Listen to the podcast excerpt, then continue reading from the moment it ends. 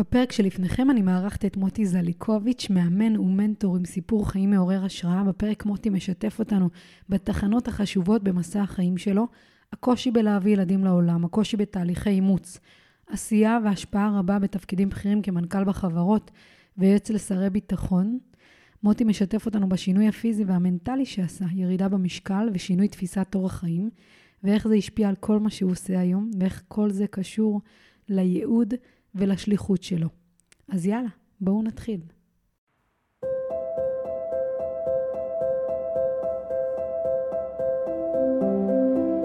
שלום וברוכים הבאים לפודקאסט לנצח עם עצמי. שמי יעל אליה, הפודקאסט עבור כל אחד שרוצה לקבל מוטיבציה, כלים והכוונה בתחום המנטלי והפיזי והשילוב ביניהם. אני משתפת פה טיפים וכלים לירידה במשקל, להתמדה באימונים, לביצועים איכותיים והשגת יעדים ומטרות. אני מאמנת מנטלית ומאמנת כושר. החלום הגדול שלי להנגיש ידע בתחומי הספורט וירידה במשקל מהסיפור האישי שלי. אני רוצה להרחיב את הידע לקהל הרחב ולתת כוח לכל מי שנאבק במאבקי החיים ולתת לו תקווה שאפשר לשנות, לשפר ולסדר ולהצליח.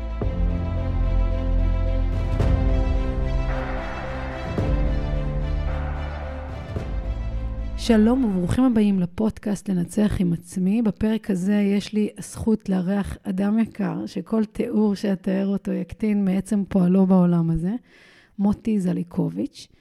אני אספר למה היה חשוב לי להזמין אותך להתארח בפודקאסט. אתה פנית אליי אחרי ששמעת את הפרק שהתארחתי אצל שלומי חסטר, והייתה לנו שיחה ששוחחנו על דברים, שהבנתי מתוך הדברים האלה שיש לנו הרבה מן המשותף, ו... התהליכים שעברת, הרקע שאתה חי בו, העשייה שלך, השליחות שלך והייעוד שלך בעולם מדברים את ה mindset שלי, את התפיסת עולם שלי, אז uh, חשוב לי להעביר את זה גם הלאה, אצלי בפודקאסט. אז אחרי כל ההקדמה הזאת, שלום לך מוטי, מה שלומך? שלום יעל, צהריים טובים, מעולה. יופי, אני אשמח אם uh, תציג את עצמך, תספר לנו מי אתה ומה אתה עושה בחיים. ו- אני אשמח אם נתחיל בסיפור שלך ממש מההתחלה. מההתחלה, התחלה זה רחוק מאוד, זה לפני 66 שנים. את הנקודות החשובות בהתחלה. הנקודות החשובות בהתחלה. טוב, אני בן 66 היום, נולדתי בירושלים, אה, בן יחיד להורים ניצולי שואה. אה, את מבינה בן יחיד מה זה אומר? מפונק, אה, חשבון מכולת פתוח, חשבון בקיוסק פתוח ועוד כל מיני דברים כדומה, כדומה לזה. אה, זהו, בית ספר יסודי רגיל, אה, תיכון מקצועי, סיימתי עתודאי, עתודה טכנולוגית, הנדסאי מכונות, צבא, חיל האוויר, כל מיני עניינים, ובעצם התחתנתי בגיל 20 לפני הצבא, נשוי לשושי עד היום ברוך השם 46 שנים עוד מעט. אמ, וזהו, סיימתי צבא, הייתי ביחידה ללוחמה בטרור תקופה מסוימת במחלקת החבלה. אה, ואז אה, היינו בין השלוש משפחות שהקמנו את היישוב כוכב השחר במטה בנימין. אה, ומשרד הביטחון והמועצה פנו אליי לבוא להיות קב"ט האזור, קב"ט המועצה, קב"ט היישובים. זהו, נכנסתי לתפקיד של הקב"ט. תוך כדי זה אנחנו ממשיכים עם חיי הנישואים שלנו ולפני שהתחתנו אני בן יחיד ואשתי מגיעה ממשפחה עם עשרה ילדים אז אתה יודע בין הדיבורים פה ושם אה, תכנון משפחה כמה ילדים כמה פה זה אה, תמיד דיברנו ארבעה חמישה שלושה אה, ועוברים שנה ועוברים שנתיים ולא לא קורה כלום וזה לא מסתדר וזה לא יוצא לפועל בני כמה הייתם? היינו בני עשרים, אני הייתי בן עשרים שהתחתנתי והייתה תשע עשרה וחצי ועוברים שנה, שנתיים, לא קורה כלום, טיפולים, בדיקות, טיפולים אמ, תמיד אני מגדיר את זה בהגדרה שאני אומר הימים מחייכים והלילות בוכיים ואנחנו מתקדמים ואז עוד לא היה בארץ לא פונדקאות ולא שום פטנטים כאלה ולאט לאט אנחנו מתחילים לדבר אולי על הכיוון של אימוץ. ויום אחד אני הולך לשירות למען הילד בא, אומר, אני כך וכך, רוצה לאמץ, אומרים לי, תביא את האישה, באים, אני מקצר מאוד את התהליכים, אה, נרשמים, פותחים תיק לאימוץ תינוק תינוקת, וממשיכים הלאה בחיים, בטיפולים, בבדיקות. כמה שנים מהרגע שהתחתנתם עד הרגע שהחלטת שאתה רוצה לאמץ? חמש שנים. חמש שנים. חמש שנים, ואז נרשמנו, החלטנו, ונרשמנו, פתחנו תיק. הסבירו לנו את כל הבירוקרטיות, וזה תהליך מאוד מאוד מסובך, מבחנים פסיכומטריים ובדיקות בבית, ויכולת ומסוגלות וכלכלי, ועוד הרבה מאוד סיפורים אחרים. וסדנאות וקורסים, כאילו, ואני תמיד שואל בכל מפגש, האם גם הורים ביולוגיים עוברים את כל התהליך הזה לפני שהם מביאים ילדים לעולם?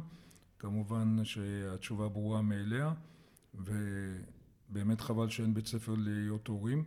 יש קריטריונים כדי להיות, כדי כן, לאמץ ילדים כן. היום? כן, יש קריטריונים, קריטריון אחד זה אומר אם אתה רוצה לקבל תינוק תינוקת שהאישה צריכה להיות פחות מגיל 40 זה קריטריון אחד. קריטריונים אחרים זה בעצם נכונות נפשית, מצב כלכלי, סוציו-אקונומי, כל מיני דברים כלליים, לא דברים מיוחדים יותר מדי. אין בעיות רפואיות, אין בעיות נפשיות וכולי. בקיצור, נרשמנו לאימוץ והמשכנו את החיים שלנו כרגיל. אני הייתי קב"ט, אשתי מנהלת חשבונות. בסדר, הכל ממשיך כרגיל. ואז יום חמישי אחד, תשע בערב, אנחנו יושבים בבית, מסתכלים טלוויזיה, צלצל הטלפון, אני עונה, שלום, כן. מדברת זאתי וזאתי עובדת סוציאלית מהשירות למען הילד. אתם זוכרים שנרשמתם לאימוץ? אז אני אומר לה, כן, בטח, זה היה לפני שבע שנים. אז היא אומרת לי, נכון, עכשיו הגיע התור שלכם. יום חמישי תשע בערב, היא אומרת, מחר בבוקר ביום שישי, בעשר בבוקר תבואו לשירות למען הילד ותקבלו תינוקת. תינוקת בת שמונה ימים. מהערב לבוקר, כן? זה לא שיש לך בית מוכן לתשעה חודשי הריון ומתכוננים ועגלה וטיטולים וכל זה, אין לך כלום. סליחה, אין לך שום דבר. וזהו, אז ישר אשתי התיישבה עם השכנות להכין רשימות, מה צריך לקנות, מה צריך להתארגן, כל השכנות מגיעות, באות, עצות מפה, משם, ולמחרת בבוקר אנחנו נוסעים לירושלים, קונים את כל הדברים, שהשכן שלנו מביא, לוקח את הכל הביתה, ואנחנו נוסעים לשירות למען הילד. בירושלים, נכנסים, שלום, אתם זליקוביץ', כן, בואו תשבו, דקה אני חוזרת, אומרת העובדת סוציאלית, אחרי דקה היא חוזרת עם חבילה ביד תושיטו ידיים, אנחנו מושיטים, שמה לנו את החבילה על הידיים ואומרת שלום זו התינוקת שלכם להתראות. וכן, תינוקת בת שמונה ימים עדיין בחיתולים של בית החולים, עדיין בכל הבגדים מבית החולים, כל הדברים. זהו, לקחנו אותה הביתה, נסענו, באים הביתה, כל היישוב צהלה ושמחה, שכנות, שכנים הכל אצלנו, מסבירים לאשתי איך בקבוק ואיך לחתל ואיך היא לא יודעת כלום. ותוך כדי זה אשתי מרימה טלפון לבוס שלה ואומרת לו אפי, דרך אגב אני יוצאת היום לשלושה חודשים חופשת לידה. אז הוא אומר לה מה פתאום את יוצאת, מה קרה? אז היא אומרת לו חופשת אימוץ זה כמו חופשת לידה שלושה חודשים. קיצור הוא נכנס להלם אבל הסתדרו בסוף הכל היה בסדר ואני מקצר מאוד שורה תחתונה בשבת אני עולה לתורה וצריך לקרוא שם לילדה ודרך אגב אני מעביר הרצאה על כל הסיפורים האלה, יש לי הרצאה מאוד מעניינת על כל הסיפורים האלה שאני אגיד אותה בהמשך. ואז אני בא לקרוא שם לילדה ואני אומר שהשם שלה יהיה שמרית. וכשאני בהרצאה אני שואל תמיד את האנשים למה קראנו לה שמרית ואני מאוד מאוד נהנה לשמוע מכל מיני תשובות, אם זה השם ישמור אותה ואם זה כל מיני, אבל אף אחד, אף אחד לאורך עשרות הרצאות לא מצליח לקבוע, לקלוע בול למה קראנו לה שמרית ושמרית זה בעצם ראשי תיבות של שושי מוטי רצו ילדים תמיד. זה השם וואו. שלה. ושמרית היום בת 32, נשואה עם שני ילדים, גרה בצפון ואישה מקסימה, מהממת, בחורה מהממת. זהו, אז זה התחיל עם שמרית ואנחנו חזרנו לעבודות שלנו. אני, יש לי עוד התקדמויות, הייתי אחר כך בעל עסק ולא הלך וכן הלך, ובעסק הזה, בגלל הבעיות הכלכליות, קיבלתי גם סוכרת מאוד גבוהה, שגם על זה נדבר. נדבר. זהו, ואז אנחנו ממשיכים, ואחרי, כששומעים בת שנתיים אנחנו נרשמים לאימוץ נוסף. ואז הם מציעים לנו, תירשמו לתינוק תינוקת, כי עוד מגיע לכם, אבל תירשמו גם לילד גדול, מה שיהיה קודם. אנחנו נרשמים, ואני אומר, אני מקצר מאוד מאוד, בהרצאה שלי אני מעריך מאוד, וגם במופע המוזיקלי שאני מעלה אני מעריך מאוד. בכל מקרה, אנחנו נרשמים לשני הדברים גם יחד. ממשיכים אשתי ואני כל אחד בעבודה שלו, בחיים, שומית גדלה. וכששמית בת שנתיים, שנתיים, בת ארבע, שנתיים לאחר מכן, שוב באמצע השבוע, טלפון בערב, שלום, שירות למען הילד, כן, אתם זה וזה, נכון, אתם זוכרים שנרשמתם לאימוץ? כן, טוב, אז תבואו מחר לאיזשהו מקום בצפון הארץ ומחכים לכם שני אחים, שני ילדים. שני אחים ביולוגיים שאפשר להפריד ביניהם והם בגילאי חמש ושבע. אבל אמרנו, ביקשנו אחד, לא, אבל זה מה יש. טוב, יאללה, סבבה, אם זה מה שיש. מחרת עם שמרית ביחד, נכנסנו לרכב, נסענו לצפון, פגשנו את שני הילדים, חמודים, בני חמש ושבע, שהיו באומנה. ישר נדבקו אלינו. היו כמה פגישות, יום, יומיים פגישות, ואז אחרי כמה ימים הבאנו את כולם הביתה, וסיסו ושמחו בבית, שלושה ילדים משתוללים. עושים בלאגן כמו שצריך והכל טוב, ואשתי עוד פעם יוצאת לחופשת אימוץ, חופשת לידה. אנחנו ממשיכים בחיים הרגילים שלנו. אני עובר תפקידים, הייתי מנכ"ל של יישובים, הקמתי וניהלתי ישיבה תיכונית לילדים עם בעיות קשב וריכוז, ישיבה שנקראת אהבת חיים. ובאיזשהו שלב גם התקשר אליי שר הביטחון איציק מרדכי, ביקש שאני אבוא להיות יועץ השר לענייני התיישבות, אז עזבתי את כל התפקידים והלכתי למשרד הביטחון. באיזה גיל שהיית? זה היה בסביבות 40 פלוס מינוס. זהו, והחיים ממשיכים בבית עם שלושה ילדים, ועוד פעם עוברים שנתיים שלוש. דרך אגב, הבת הגדולה שאימצנו, אתי, היא היום בת 37 עם ארבעה ילדים, נשואה עם ארבעה ילדים, ושלומי בן 35, 34-5, נשוי עם ילד אחד. ואז אנחנו מקבלים טלפון עוד פעם, שלום, אתם זוכרים, נרשמתם לתינוק? כן, טוב, אז זהו, הגיע הזמן, תבואו מחר בבוקר, תקבלו תינוק בן שלושה שבועות. נסענו לאן שנסענו, קיבלנו עוד פעם חבילה, כמו שאומרים. תינוק בן שלושה שבועות שלא עשו לו ברית כי רצו שהמאמצים יעשו לו ברית. הבאנו אותו הביתה, חגיגה שלמה ביישוב, עושים ברית כהלכתה, אבי זיכרונו לברכה היה סנדק, וקראנו לילד בשם שריה. שריה זה הראשי תיבות של אבא של שושי ואבא שלי, שמואל רבי ויהודה. הוא היום בחור בן 27, גר באזור תל אביב, ואם יש מישהי רווק, ואם יש מישהי ורוצה בחור נחמד וטוב ונאה ומהמם, אז אפשר לפנות. פנוי. מה? פנוי, פנוי ל... כן, כן, פנוי להובלה, מה שנקרא. וזהו, ואני ממשיך, אני עובד עם שרי ביטחון, עבדתי עם איציק מרדכי, עבדתי עם ארנס, זיכרונו לברכה, עבדתי עם ברק, עבדתי עם ביבי, עבדתי עם כולם בתפקידי שרי ביטחון. תפקיד מאתגר, מעניין, מיוחד ומיוחד. מה ש... מיוחד בתפקיד הזה? המיוחד בתפקיד הזה שאתה יועץ לשרי ביטחון, אתה יושב עם השר כמעט בכל ישיבות הממשלה. יש לך תקציבים של כמויות של כסף, תקציבים. אתה מתעסק עם פיקוד העורף, אתה מתעסק עם מועצה ארצית לתכנון ובנייה.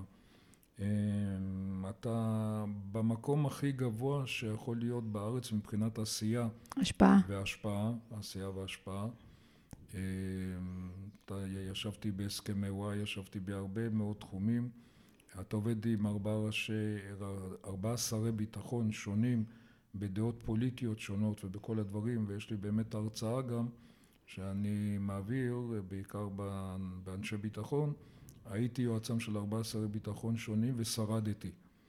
אה, הרצאה מנה, יש לי כמה... מה זה המומחיות שלך בעצם? מה אתה מביא לשולחן שם?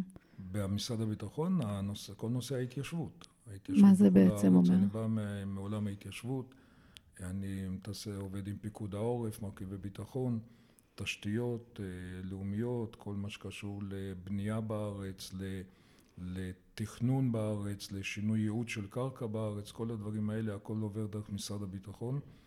אה, אני עובד שם, יש לי צוות של אה, קצינים ואזרחים תחתיי. בקיצור, תפקיד ממלא סביב השעון יום ולילה, אחד התפקידים המהממים ביותר שהיו לי בחיים. כמה שנים זה היה? הייתי שם בסביבות שש שנים. זה תפקיד אמון מה שנקרא.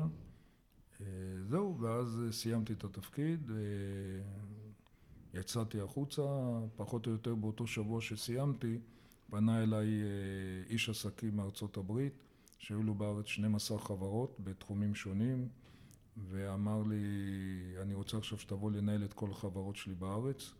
יש לי מנכ"ל בכל מקום ואני צריך מנכ"ל על על כולם, אז הלכתי לעבוד איתו, להיות מנכ"ל על שלו, על 12 חברות. מה זה החברות האלה? בארץ, החברות זה היה מצד אחד אה, חברות הייטק, מזעור מסמכים וכל מיני כאלה, מצד שני היו לו גני אירועים, אולמות אירועים, אה, היה, היה לו מגוון של דברים.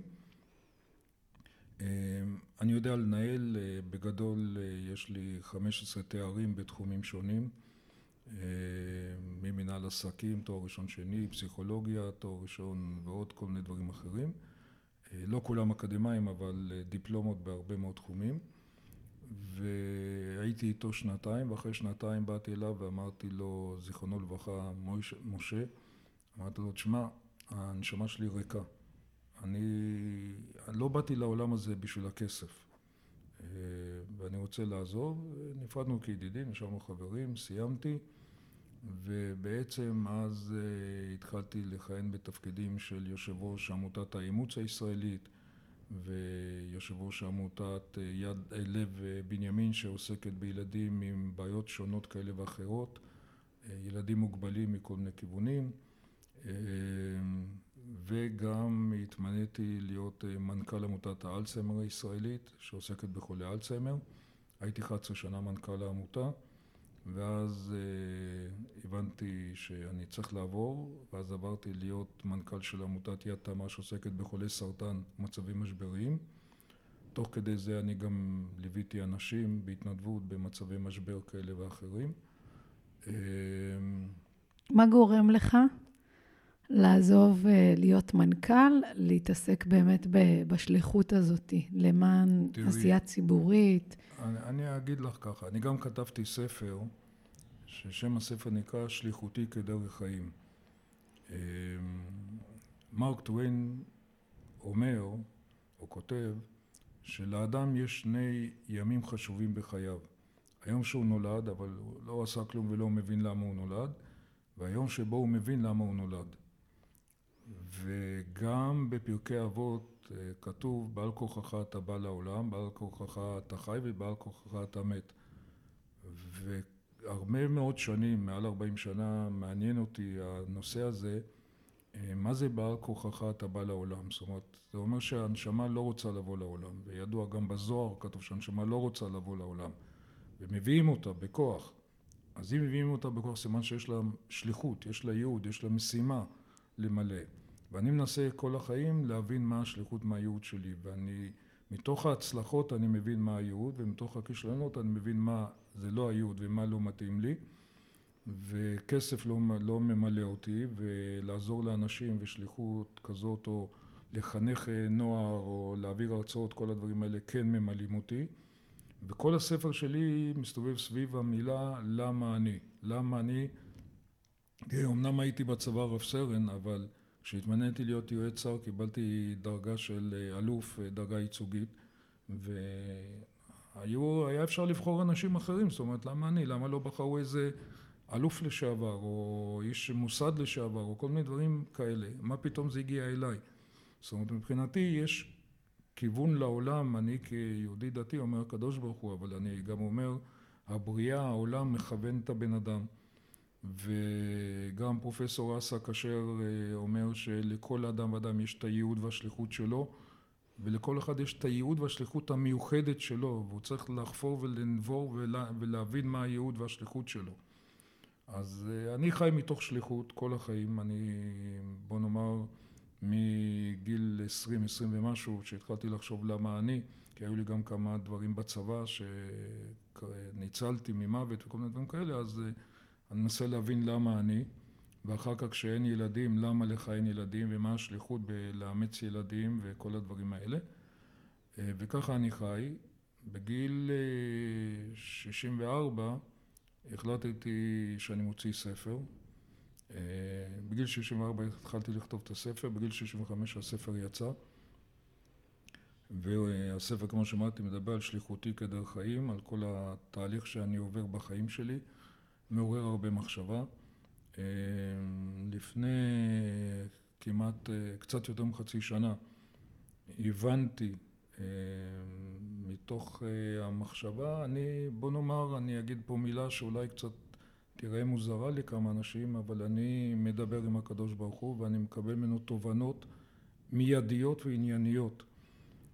ובעצם קיבלתי תובנה, תפסיק לעבוד, כל מיני דברים כאלה, מנכ"ל, כתבת ספר, תכין הרצאות, יש לך מה להגיד לעולם במסר של השליחות, לך תתחיל להרצות, תתחיל להעביר את המסר שאנשים יש להם שליחות בעולם.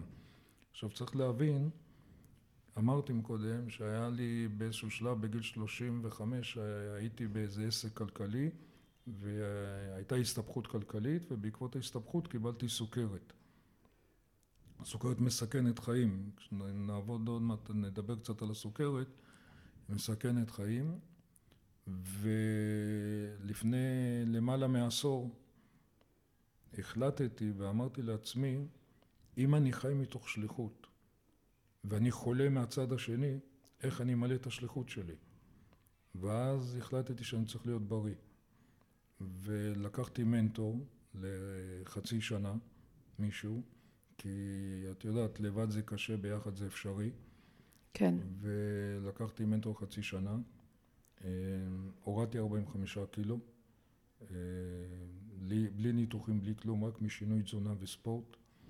אה, שינוי תפיסה. שינוי תפיסה, שינוי תודעתי, שינוי הכל. תמיד היית בעודף משקל? כן, תמיד הייתי בעודף משקל, התחלתי... זה הפריע לך? כשהייתי ילד מפונק והייתי בעודף משקל. אה, הפריע לי, הפריע, אבל את יודעת, לא מי יודע מה, זאת אומרת, אה, העוגות היו יותר, אה, פחות מפריעות מאשר העודף משקל. כן, אבל הנראות, השייכות כן, כן, לחברה, כל ההתעסקות הזאת. ירדתי ועליתי, ירדתי ועליתי. אשתי תמיד אומרת שמאז שהיא מכירה אותי, עד שבאמת עשיתי את השינוי הדרסטי, עליתי וירדתי חצי טון לפחות. לאורך, ניסיתי את כל סוגי הדיאטות כמעט שיש בארץ, אבל אה, דיאטה זה דיאטה ושינוי אורח חיים וניהול תזונתי נכון זה משהו אחר, זה לא דיאטה. זה נראה לי באמת האתגר הכי גדול בחיים האלה, של אנשים שהם בעודף משקל משמעותי. כן, אז אה, אני תמיד אומר לאנשים שהם בעודף משקל, שאנחנו צריכים, אנחנו עובדים, אה, איך אומרים, על, על המידות תרתי משמע. תעבוד על המידות הפנימיות שלך והמידות הוויזואליות נכון. ישתנו בדיוק. בהמשך. אז זהו, אז אני הורדתי 45 קילו. מי זה המנטור הזה? איך הגעת אליו? אמ, ראיתי מודעה בעיתון, בחור מהצפון, מקריית שמונה, אילן. אה, ראיתי מודעה בעיתון, והוא פרסם מודעה, סוכרת לא אצלנו. התקשרתי אליו, הוא הגיע לירושלים, הוא מקריית שמונה. אז בזמנו, היום הוא כבר לא מגיע לירושלים. וישבתי איתו שלוש שעות, ארבע שעות, אני כבר לא זוכר כמה, הסביר לי את הכיוון, את השיטה, את הדברים. מאוד מצא חן בעיניי, הייתה מאוד כימיה מהרגע הראשון. מה הוא בעצם, מאמן מנטלי? לא, הוא בסך הכל היה אותו דבר, היה שמן, היה, לו, היה בעל מסעדה, והיה שמן וסוכרת וחולה, והחליט לשנות את עצמו. סגר את המסעדה, הוא מכר את המסעדה. שנתיים עשה על עצמו ניסוי וטעייה ולכיוון מסוים ואחרי שנתיים הוא התחיל לאמן אנשים במה שהוא עשה על עצמו מבחינת סוכרת ושחרור משקל. ישבתי איתו, המשכתי לעבוד עם עצמי לפי ההנחיות, כללים שלו, היינו מדברים מדי פעם, היינו נפגשים מדי פעם, אבל בעצם יכול להיות שהגעתי אולי לגיל מתאים או איזשהו מקום בנפש שקיבלתי החלטה, גם החלטה מודעת וגם החלטה אסטרטגית שאני צריך לשנות את החיים שלי. עוד פעם, אם אני רוצה להמשיך בשליחות שלי עד 120. אה, זהו, ואז... אמרת שהסוכרת הייתה מסכנת חיים. כן. איך היא באמת באה לידי ביטוי מבחינת הסכנה הזאת? היא באה לידי ביטוי במדדים, אני אתן לך את המדדים, שמי שמבין בסוכרת, אז אה, כדאי מאוד שישב כשהוא שומע את המדדים שלי. אבל אני הייתי בבדיקה בבוקר, הייתי ב-400 פלוס, וה-A1C, שזה ממוצע תלת חודשי, הייתי ב-11 וחצי. אה, כשהבדיקה בבוקר מותר שהיא תגיע עד 100-110 וה-A1C מותר לו להגיע עד ל-6, 6.2 ואני הייתי ב-11 וחצי. היו לי אה, דליפות דם בעיניים מהכלי דם שנפתחו בדליפות הסוכרת. אה, היו לי בעיות אה, בשיניים בגלל הסוכרת. אה, קיבלתי ארבע זריקות אינסולין כל יום. זריקה אחת ארוכת טווח ושלוש זריקות קצרות לפני כל ארוחה. כל יום. כל יום, ארבע זריקות. כמה זמן כל הדבר הזה התרחש? כמה זמן, מה זאת אומרת? הסגנון חיים האלה, אז עם, זה, עם זה הזריקות. מגיל, ו... מגיל 35 עד גיל 55, עד גיל 54. 20 שנה כמעט חייתי ככה, ו, וחלק מהחיים היו בהמון סטרס, אם זה במשרד הביטחון, המון לחץ, המון שעות. תביני, משרד הביטחון אה, היו שבועות שישנתי אה, פחות מעשר שעות בשבוע וכל חודש כמעט הייתי עושה טיפול עשרת אלפים לאוטו, זאת אומרת אה, המון המון ריצות וטיסות ודברים והמון סטרס שגם לא מועיל יותר מדי לסוכרת. וכמובן אתה אוכל לא מסודר ו... ובישיבות במשרד הביטחון זה הכל סנדוויצ'ים וכל מיני שטויות כאלה. ויש לי בת קונדיטורית אז זה בכלל אה, לעילא ולעילא. וקיבלתי תרופות, כדורים ללחץ דם וכדורים לדילול דם וכדורים לכולסטרול וכל מה שרק אה, עולה לך בראש אה, הייתי מקבל עד שהחלטתי... מה זה הנקודה הזאת באמת, שעשית את הסוויץ' הזה? כמו שאני אומר, בגיל מסוים, בגיל 54-55, חשבתי עם עצמי, כמו שאני אומר, אני חי כל הזמן מתוך שליחות. Mm-hmm. כמו שאמרתי, אם אני חי מתוך שליחות, ואתה רוצה לחיות עד 120 ולהעביר את השליחות, אתה לא יכול להיות חולה, אתה צריך להיות בריא. ואז חיפשתי דרכים איך אני מבריא את עצמי, וכמו שאני אומר, מגיעים לי תובנות, ובאותו שבוע שהתחלתי לחשוב, ראיתי בעיתון את המאמר של הבחור ההוא, ואז התחברתי, ואז התחלתי את השינוי. עכשיו... אה, כמה זמן התהליך הזה אה, קרה, שמהרגע שפגשת את המנטור עד שבעצם סללת את הדרך הזאת החדשה? לא, אה, אני באותו רגע, זאת אומרת, אני אחרי שבועיים הפסקתי כבר עם כל הזריקות וכל התרופות. תוך שבועיים אה, אשתי כל הזמן אומרת לי, מספרת שבחודש הראשון היא הייתה כל הזמן בודקת אם אני עדיין חי בלילה, כי פתאום אתה מפסיק זריקות, פתאום אתה מפסיק כדורים, אה, ולא שאלתי את הרופא, הפסקתי בעצמי מתוך האחריות שלי על עצמי וההיכרות שלי את עצמי, ומתוך הבדיקות שאני עושה לעצמי, הפסקתי לעצמי. ואז אחרי חצי שנה הלכתי לרופא סוכר, סוכרת, וסיפרתי לו מה אני עושה, ואז הוא אומר לי, מה שאתה עושה זה בדיוק מה שחולי סוכר צריכים לעשות. אז אמרתי לו, לא רוצה להגיד את המילה, אבל אמרתי לו, למה אתה עשרים שנה לא מספר לי את זה? למה אתה דוחף לי תרופות כימיות? אז הוא אמר לי, אה, סיבה מאוד נכונה, רוב האנשים לא יצליחו ולא מצליחים לעשות את זה, ואז המשבר מביא אותם ליותר גרוע. מה זה, שינוי בהרגלים, שינוי הכל, בתפיסה, הכל, באורח חיים? הכל. הכל אורח חיים. תראי, אני אגיד לך, אני מעל עשר שנים לא נגעתי בשום פחמימה, מעל עשר שנים לא נגעתי בשום פרי. מעל עשר שנים אני לא נוגע בגלוטן. ואני כל יום שעה וחצי בחדר כושר. והמדדים שלי כבר, לא מהיום, כבר עשר שנים, הבדיקה היומית שלי, שהייתה פעם 400 פלוס, היום היא בסביבות 70-75, וה-A1C שלי, שהיה פעם 11 וחצי, היום הוא 5.2. ואני לא ראיתי מעל עשר שנים אף רופא, לא רופא שיניים ולא רופא משפחה ולא שום דבר. אני שומר על עצמי, אני בודק סוכר כל יום, כי סוכר זו מחלה כרונית שיכולה תמיד להתפרץ בחזרה. פעם בחצי שנה אני עושה בדיקות מקיפות, בדיקות עיניים, בדיקות הכל, והכל סבבה, בלי עין הרע ברוך השם מעל ומעבר. אה, וטוב לי עם החיים שלי. אני גם הלכתי, למדתי תזונה באוניברסיטה, למדתי אימון, מאמן בכיר, לאימון מנטלי גם, ובעצם אני היום, לא מעניין אותי אה, לא העוגות ולא דברים אחרים. יש לי כללי חיים, מתי אני אוכל ארוחת בוקר, ארוחת צהריים, ארוחת ערב. אני לא אוכל מעל שבע בערב, אחרי שבע בערב. אני בא לאירועים, אני אוכל לפני זה בבית, אני לא אוכל באירוע. יש לי כללים מאוד נוקשים על עצמי. אבל כאשר אני מאמן איך אנשים... באמת, איך באמת, גם אני הייתי שמנה מאוד, מי שמכיר את הסיפור שלי. ושנינו מלווים אנשים בתהליכים כאלה. איך באמת מגיעים, הרי כולם מגיעים להחלטה, רוצים לעשות שינוי, אבל איך באמת, מהרגע שהחלטת והבאת את עצמך לגיוס המנטלי, שלא מה, לא משנה מה, אני על זה. זאת אומרת, מה עזר לך להביא את עצמך לתוך הפוקוס הזה, שאתה, ברור לי שזה קשה, זה הרי לא סתם היית בעודף משקל. כן. והקולות האלה עדיין בראש, בהתחלה לפחות. כן, נכון. אז איך באמת כן מצליחים לדייק ולפקס את עצמנו לשם? תראי, אני, אני אומר דבר כזה. אמ, א', אני מסכים, הרבה תלוי באישיות של הבן אדם גם כן. הרבה תלוי אה, עד כמה הוא יודע לקבל החלטות משמעותיות בחיים שלו. לפני כן לא החלטת שאתה רוצה לעשות שינוי בעצמך? ב... אה, אה, תלוי במה. אני אתן דוגמה אחרת. אה, כשהייתי צעיר, בסביבות 25 וזה, הייתי מעשן סיגריות.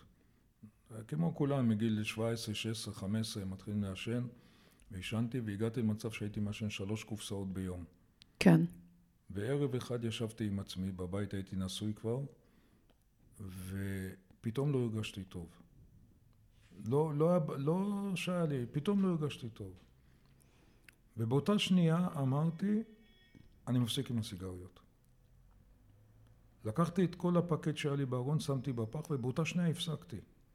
באותה שנייה, בלי כל מיני ניסיונות אה, לעלות, לרדת, קצת פה, קצת שם. הפסקתי באותה שנייה, ואני מדבר איתך על לפני 40 שנה. אני 40 שנה כבר לא נגעתי בסיגריה.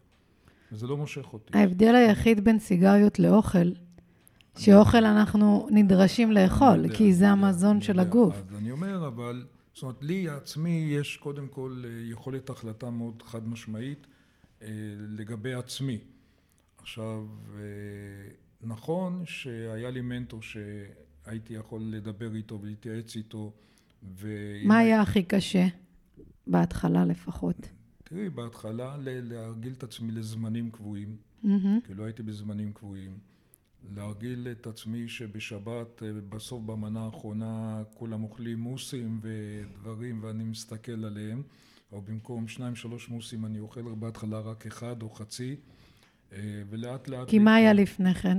לפני כן אה, תמיד אה, הייתי אומר לאשתי, מה העמוס הזה קטן, למה רק אחד, למה רק שתיים? מתחרעים קצת על ה... קצת הרבה. קצת הרבה. קצת הרבה. אה, באירועים אתה יושב ואתה אוכל, בבתי מלון שאתה בא להתארח, אתה כל השפע שיש במלון, אתה ממלא את הצלחת ואתה מילאת כבר, אז מה, לא תסיים את כל מה שיש בצלחת? זה הסיפור של שמנים, שהם באים לאירועים, הם חושבים על האוכל. נכון. הם לא חושבים על החוויה עצמה נכון. של האירוע, אלא על האוכל. הולכים למלון, איזה אוכל. נכון. היום שאני הולכת למלון, אני הולכת לאירוע, אני רוצה לחוות את ההוויה נכון, של הדבר הזה, שזה לא דבר. קשור לאוכל, אוכל כל הזמן קיים. אותו דבר, אבל אני היום גם לא, זה פחות מעניין אותי האוכל. זאת אומרת, אני אוכל. אתה אוכל בשביל הגוף שלך, אני זה דלק בשביל אני הגוף. אוכל בשביל לחיות ולא לחיות בשביל לאכול. כן, ועדיין אפשר ליהנות מאוכל. כן, כן, לא, אני, אין לי בעיה, אני נהנה, גם uh, כשהילדים שלי צוחקים שאני אוכל טופו, אבל אני נהנה מזה, או כל מיני דברים אחרים, אין לי שום בעיה. זה משהו שהכרת קודם? כאדם שמה? שמן? טופו? לא, תמיד זה. נראה כזה לא, לא, זה היה... אוכל נראה- של חולים. לא, אוכל של כלבים להבדיל, סליחה על ה... יש אנשים שאומרים שזה נראה אוכל של חולים, כן. כל הירקות לא, האלה, אבל כל הזה. זה טעים לאללה, ואני מבסוט מזה, ואני, אין לי בעיה, ואני אוכל אה, אה, דגים, ואני אוכל אה, הרבה חלבונים, אני בעיקר מתעסק עם חלבונים, פחות עם פחמימות. אין לך, נגיד, כאלה, כל מיני רצונות לאכול דברים? לא, היה, אין לי. היום אין לך?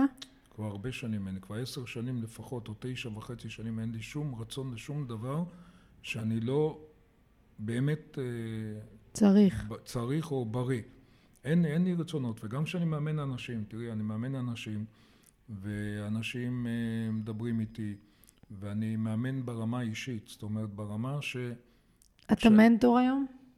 מה? אתה מנטור כן, בעצם. כן, אני מנטור לאנשים, גם, לאימון, גם לשחרור משקל, מה זה אומר שחרור משקל? לרדת במשקל. אוקיי. אני קורא לזה שחרור משקל.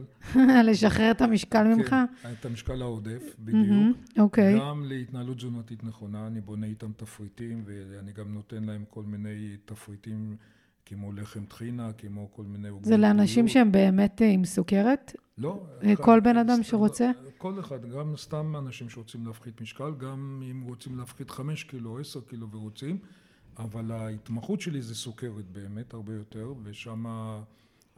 שם הייחודיות שלך, כי גם היית שם. אה? בדיוק, שם הייחודיות שלי, שם אני, שם, איך אומרים, אנשים שמתאזנים בסכרת, כי אי אפשר להבריא מסוכרת, אבל מתאזנים, אה, הם פשוט אה, מקבלים את החיים בחזרה, כמו שאומרים, ואז אני מתעסק בזה מה גרם לך לעזור דווקא לאחרים בדבר הזה?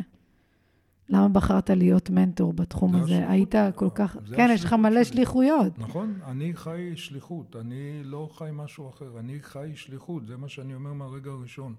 אני חי שליחות, וכש... אז השליחות היא בעצם לצמצם גם סבל לאנשים? ג- כן, גם כשניסיתי דברים אחרים תוך כדי השליחות, נגיד ניסיתי לעשות כסף, לא הצלחתי. אבל כשניסיתי לעזור לאנשים, הצלחתי. זאת אומרת, אני מבין, כמו שאמרתם קודם, שהקדוש ברוך הוא מראה לי את הדרך לאיפה אני צריך. וכרגע השליחות שלי זה בעצם אה, לעזור לאנשים להבריא, לעזור לאנשים להיות בריאים, לחיות אה, חיים טובים יותר, מאושרים יותר, ארוכים יותר, אני מקווה. אה, גם דרך התזונה, גם דרך איזון הסוכרת, וגם דרך ההרצאות שלי שהן יותר אה, אה, מעשירות אה, בנושא של אה, למה באנו לעולם. אה, נגיד אה, ביום ראשון האחרון, לפני יומיים, הייתי באיזה יישוב והעברתי את ההרצאה הזו לגמלאים. זאת אומרת, אנשים שעברו כבר בחיים שלהם כמה דברים, והם היו בהתלהבות בלתי נורמלית. והם באו אליי אחרי זה ואומרים לי, וואי, פתחת לנו כיווני מחשבה על כל מיני אירועים שעברנו בחיים ולא הבנו למה עברנו אותם. אה, זהו, מצד שני הייתי לפני חודשיים באיזה אולפנה, שבת שלמה, שהזמינו אותי עם אשתי והעברתי להם הרצאות גם על השליחות וגם על תזונה לבנות צעירות, איך להתנהג בתזונה נכונה וגם אה, בנושא של השליחות תחשבו לאן אתם הולכות בחיים, למה נפלתם דווקא פה, מה אתם עושות בשירות לאומי, בצבא, אה, לכיוון החתונה, לכיוון המשפחה. צריך לחשוב, זאת אומרת, אנחנו לא... אנחנו יכולים לחיות את החיים שלנו 70, 80, 100 שנה, ולא להבין מה, למה אנחנו כאן. כן, אנחנו לא סתם פה. וכאילו לבזבז את החיים, אני אומר לזה, ב- ב- ב- בעיניים שלי. כן, אבל אנשים לא מבינים מה זה הייעוד. אני לא יודע מה, אני יודעת מה הייעוד שלי, אוקיי? אתה יודעת. יודע מה הייעוד. אבל כשאתה מדבר עם אנשים רגילים, אז אני יודע גם, יש לי, אני גם מאמן בנושא הזה, דרך אגב, של הגשמה, של אה, אה, להפיק מתוכך את השליחות או את הייעוד שלך. עכשיו, אני אומר כל הזמן, גם לאנשים וגם לעצמי, האם אני צודק או לא, אני אדע רק אחרי 120. אבל אני מבין את החיים שלי בכיוון מסוים, וטוב לי בכיוון הזה, ואני בודק איפה אני מצליח, איפה אני לא מצליח. ואני שואל תמיד, על כל דבר בחיים, למה אני? למה פה הצלחתי? סימן שהעולם מראה לי את הכיוון הנכון, ופה לא הצלחתי, כנראה שזה לא מתאים לי. זאת אומרת, כשלא מתאים לך משהו, אתה לא צריך בכוח להידחס לשם, להידחק, בדיוק. כי, כי זה לא מתאים. וכשאתה מרגיש שזה מתאים, אז אתה צריך אה, לפרוח ולהגשים את עצמך שם. עכשיו, לכל בן אדם יש ייעוד וייחוד משלו, אין מה, אין מה לעשות. כל אחד קיבל את משימת חייו בעולם. האם הוא מבין אותה? זו כבר שאלה אחרת. זיקוק, לדייק, האם, לזקק. בדיוק, האם הוא חי אותה? זה כמו שמדברים, הרי פרקי אבות כתוב, אה, שבעל כוחה אתה בא, כוחה אתה חי. כן. יש פילוסופיה שמדברת האם אתה חי או האם אתה קיים. יש הבדל גדול בין חי וקיים. כולנו קיימים, האם כולנו חיים? שאלה מאוד מעניינת, אני מאוד עוסק בכל התחומים האלה, בכל הדברים מישהו האלה. אמר לי, יש הרבה אנשים שהם מת קיימים, הם כן. מתים קיימים, הם לא באמת כן, קיימים. כן. טוב, זה בעיקר אה, כשהייתי מנכ"ל עמותת האלצהיימר, אז חולי אלצהיימר, כן. הם בעצם, אה, המוח מת, והם עדיין פה, אז הם כאילו, המת החי קראנו לאנשים האלה, לצערי. אבל זהו, אז אני מתעסק בנושא הזה של, תגיד לי, כן, אה, כמנטור, כמה זמן אתה עוסק בזה? כמאמן? כמישהו ש... כמאמן אני עוסק בזה, בסביבות, ב- לא בתדירות, אבל בסך הכל בסביבות אה, ארבע-חמש שנים, אבל בתדירות היותר גבוהה זה בשנה האחרונה. בשנה האחרונה אתה בעצם לוקח אנשים ועושה איתם איזשהו תהליך אישי. תהליכים, ולא משנה איפה בארץ, והתהליכים שאני עושה, מה, מה, מה השיטה שלך? מה... זהו, זה בדיוק מה שבאתי לומר, מה התהליך שאני עובר עם אנשים. אה, ישנה פגישה ראשונה, כן, שבה בדרך כלל אה, אני מגיע לבית של המתאמן, מתאמנת, פגישה שלוקחת אה, שעתיים פלוס, שבה אנחנו גם אה, נשקלים, גם מדברים, גם רואים אם זה חולה סוכרת, הוא צריך להביא גם בדיקות רפואיות וכל מיני דברים כאלה. יש לי שאלון שלם, ממלאים שאלון, שבתוכו יש כל מיני שאלות אה, מעניינות גם, כמו למשל על איזה מאכל בחיים לא תסכים לוותר, או כל מיני דברים, כי אני מנסה לכוון את הבן אדם, שיהיה לו נוח ויהיה לו קל, שלא כן. לא צריך לסבול. ואני מסביר לאנשים האלה גם מה ההבדל בין התנהלות תזונתית נכונה לבין דיאטה, שאנחנו לא דיאטה, אני מדבר איתם על אכילה רגשית, אני מדבר איתם על אה, סטרס בחיים, אה, ממש יושב ועושה תחקיר שלם על הבן אדם, ואז אה, בונה איתו ביחד תפריט, לפחות לשבוע עשרה ימים הראשונים, ומאותו רגע, אותו מתאמן, מתאמנת, צריכים שלוש פעמים ביום לדווח לך? לשלוח לי תמונה מה הם הולכים לאכול אוקיי. לפני שהם אוכלים, כדי שאני אוכל לדייק את המאכלים, יותר פחמימה, פחות חלבון, יותר חלבון, זה, לדייק את גודל הצלחת, יהיה יותר מלא, איך מחלקים את כל אתה ממש. עוזר להם בחלק כן, הזה. כן, כן, ברמה האישית, ברמה של כל יום שלוש פעמים, בוקר, צהריים וערב, אני אה, נותן להם קצת, לא הרבה תרגילי ספורט, כי אני לא מאמן ספורט, אבל נותן להם תרגילי ספורט, כן. שאני בעיקר מוביל לכיוון של הליכה, לפחות אה, שעה הליכה ביום. אה, אם זה חולה סוכרת, אז הוא צריך כל בוקר לעשות בדיקת סוכר ולשלוח לי את הנתונים. אה, יש לך מקרה ש... של מישהו ש... או מישהי שהגיעו אליך, והם היו במצב מאוד מאוד אה, קשה, ולא חשבת שזה יעבוד, אבל כן הצליחו? סיפור הצלחה? הגיעו לי לא מעט במצב קשה, אבל אין מצב שאני, לא, שאני חושב שזה לא יעבוד. זה תמיד עובד, כי כן. אני עושה עבודה. תראי, לא עובד... תמיד האדם עובד. לא, זה עובד, כי אני, תראי, אם מישהו צריך לדווח לי, סתם אני אומר, באחד בצהריים, לקראת ארוחת צהריים, הוא לא מדווח, אני רואה עובר אה, שעה, אני שולח סימני שאלה, והוא מבין מאוד, טוב מאוד מה הסימני שאלה שלי. אומרת, עם אני- כולם זה עובד ככה? כן, כן, אני ישר, אני, אני ישר מגיב אם הם לא מגיבים. לפעמים אומרים לי, תשמע, לא יכולתי להגיב, לא יכולתי לאכול, יש לי נסיעה, יש לי פה. אני מלמד אותם גם כשאתה נוסע, איך להיערך מכין מראש. את להע- להיערך מראש, מה אתה לוקח, כל מיני דברים, ישיבות. יש לי גם מתאמן אחד שרוב עבודתו בחו"ל, הוא נוסע המון לחו"ל, והוא מתקשר איתי מחו"ל, שולח לי דו, מעולה. את המנות שלו מחו"ל. אה, הוא הוריד, אה, עד היום הוא הוריד כבר 18 קילו, והוא בלי סוכרת, רק אה, משקל. ואני עוקב אחריהם מאוד מקרוב. עכשיו, התהליך בדרך כלל הוא תהליכים, אני מדבר איתם על שלושה חודשים, למרות שבסוף כל חודש, אם הוא רוצה להפסיק, הוא יכול להפסיק. כן. אבל התהליך הוא מינימום שלושה חודשים. והכי מצחיק, יש לי מישהי שאימנתי אותה שלושה חודשים, אולי אפילו ארבעה חודשים, ובסוף היא אומרת לי, תשמע, מוטי, אני בבעיה. עד עכשיו היה לי שוטר, שהיה מזכיר לי למה לא אכלת, מה אכלת, למה זה. עכשיו אין, אין לי שוטר. אני השוטר. אמרתי לה, תשמעי, אני בטוח שאת כבר מספיק אה, אה, עברת את האימון והמנטלי וכל הדברים, שאת יכולה להמשיך לבד, ועדיין אני נמצא בשטח, אני לא עוזב, אם את צריכה, תרימי טלפון, דברי איתי. ואז אחרי שבוע היא מתקשרת אליי ואומרת לי, מוטי, מצאתי פתרון. אני אומר לה, מה? הדבקתי את התמונה שלך על המקרר. ואז יש לי שוטר מול העיניים. לגמרי. אז, אה, אז בעצם אתה גם מנטור, שאתה עושה, עוזר לאנשים בתהליכים של הורדה במשקל, ושינוי סוכרת. איזון סוכרת. אתה גם מעביר הרצאות, ראיתי שיש לך את ההרצאה חיים מתוקים גם בלי... חיים מתוקים גם ללא סוכר. ללא סוכר. זו הרצאה מקצועית על תזונה וסוכרת וכל הדברים האלה. אוקיי, ויש לך עוד הרצאה? וחצי. ויש לי הרצאה על אה, שליחותי כדרך חיים, למה באנו לעולם, שהיא בעצם מחולקת לשתי הרצאות, הרצאה אחת לנוער, כן. יותר מוכוונת נוער, והרצאה אחת יותר מוכוונת מבוגרים. אה, יש לי גם הרצאה, כמו שאמרתי, לאנשים שקשורים למערכת הביטחון, שהייתי יועצם של שרי ביטחון, אה, ויש לי גם הרצאה שאני מעביר הרבה פעמים לצעירים, ילדותי בירושלים בימי מלחמת ששת הימים.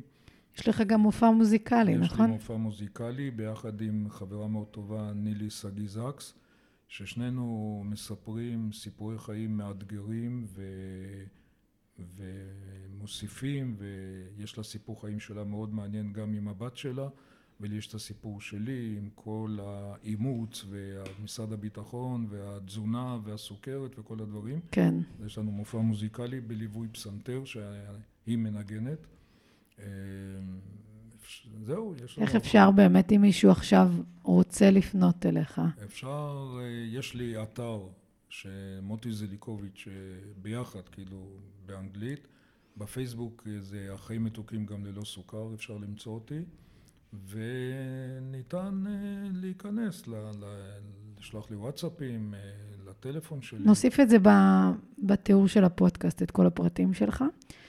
אה, יש משהו שתרצה להוסיף, ככה לפני הסוף, לפני שאנחנו סוגרים את, ה, כן, את הפרק? אני רוצה להוסיף. א', מאוד מאוד אה, שמחתי להכיר אותך ולהיות אצלך. מאוד מאוד. הזכות שלי. אה, ככה, את יודעת, פתאום זה בא לי לפני איזה חודש שהתחלנו לדבר, או שלושה שבועות. אז א', מאוד מאוד תודה רבה. הפודקאסט על... שהתארחתי בו, באמת ברכה, כי הוא הביא לי אנשים מדויקים. חוץ ממך הגיעו לי שלושה מתאמנים חדשים. יפה מאוד. שזה אז, מדהים. אז, אז אולי בזכותך יגיעו אליי. יגיעו אליך, בדיוק. אז זהו, אז אה, אני, אני אמנם גר באזור ירושלים, אבל אני מגיע לכל מקום בארץ. אה, דווקא ביום חמישי סגרו איתי שתי הרצאות אה, ברמת הגולן. אני מגיע לכל מקום. בקיצור, מה שאני רוצה לומר, שבסופו של יום אה, אני חי מתוך שליחות. החיים שלי הם שליחות.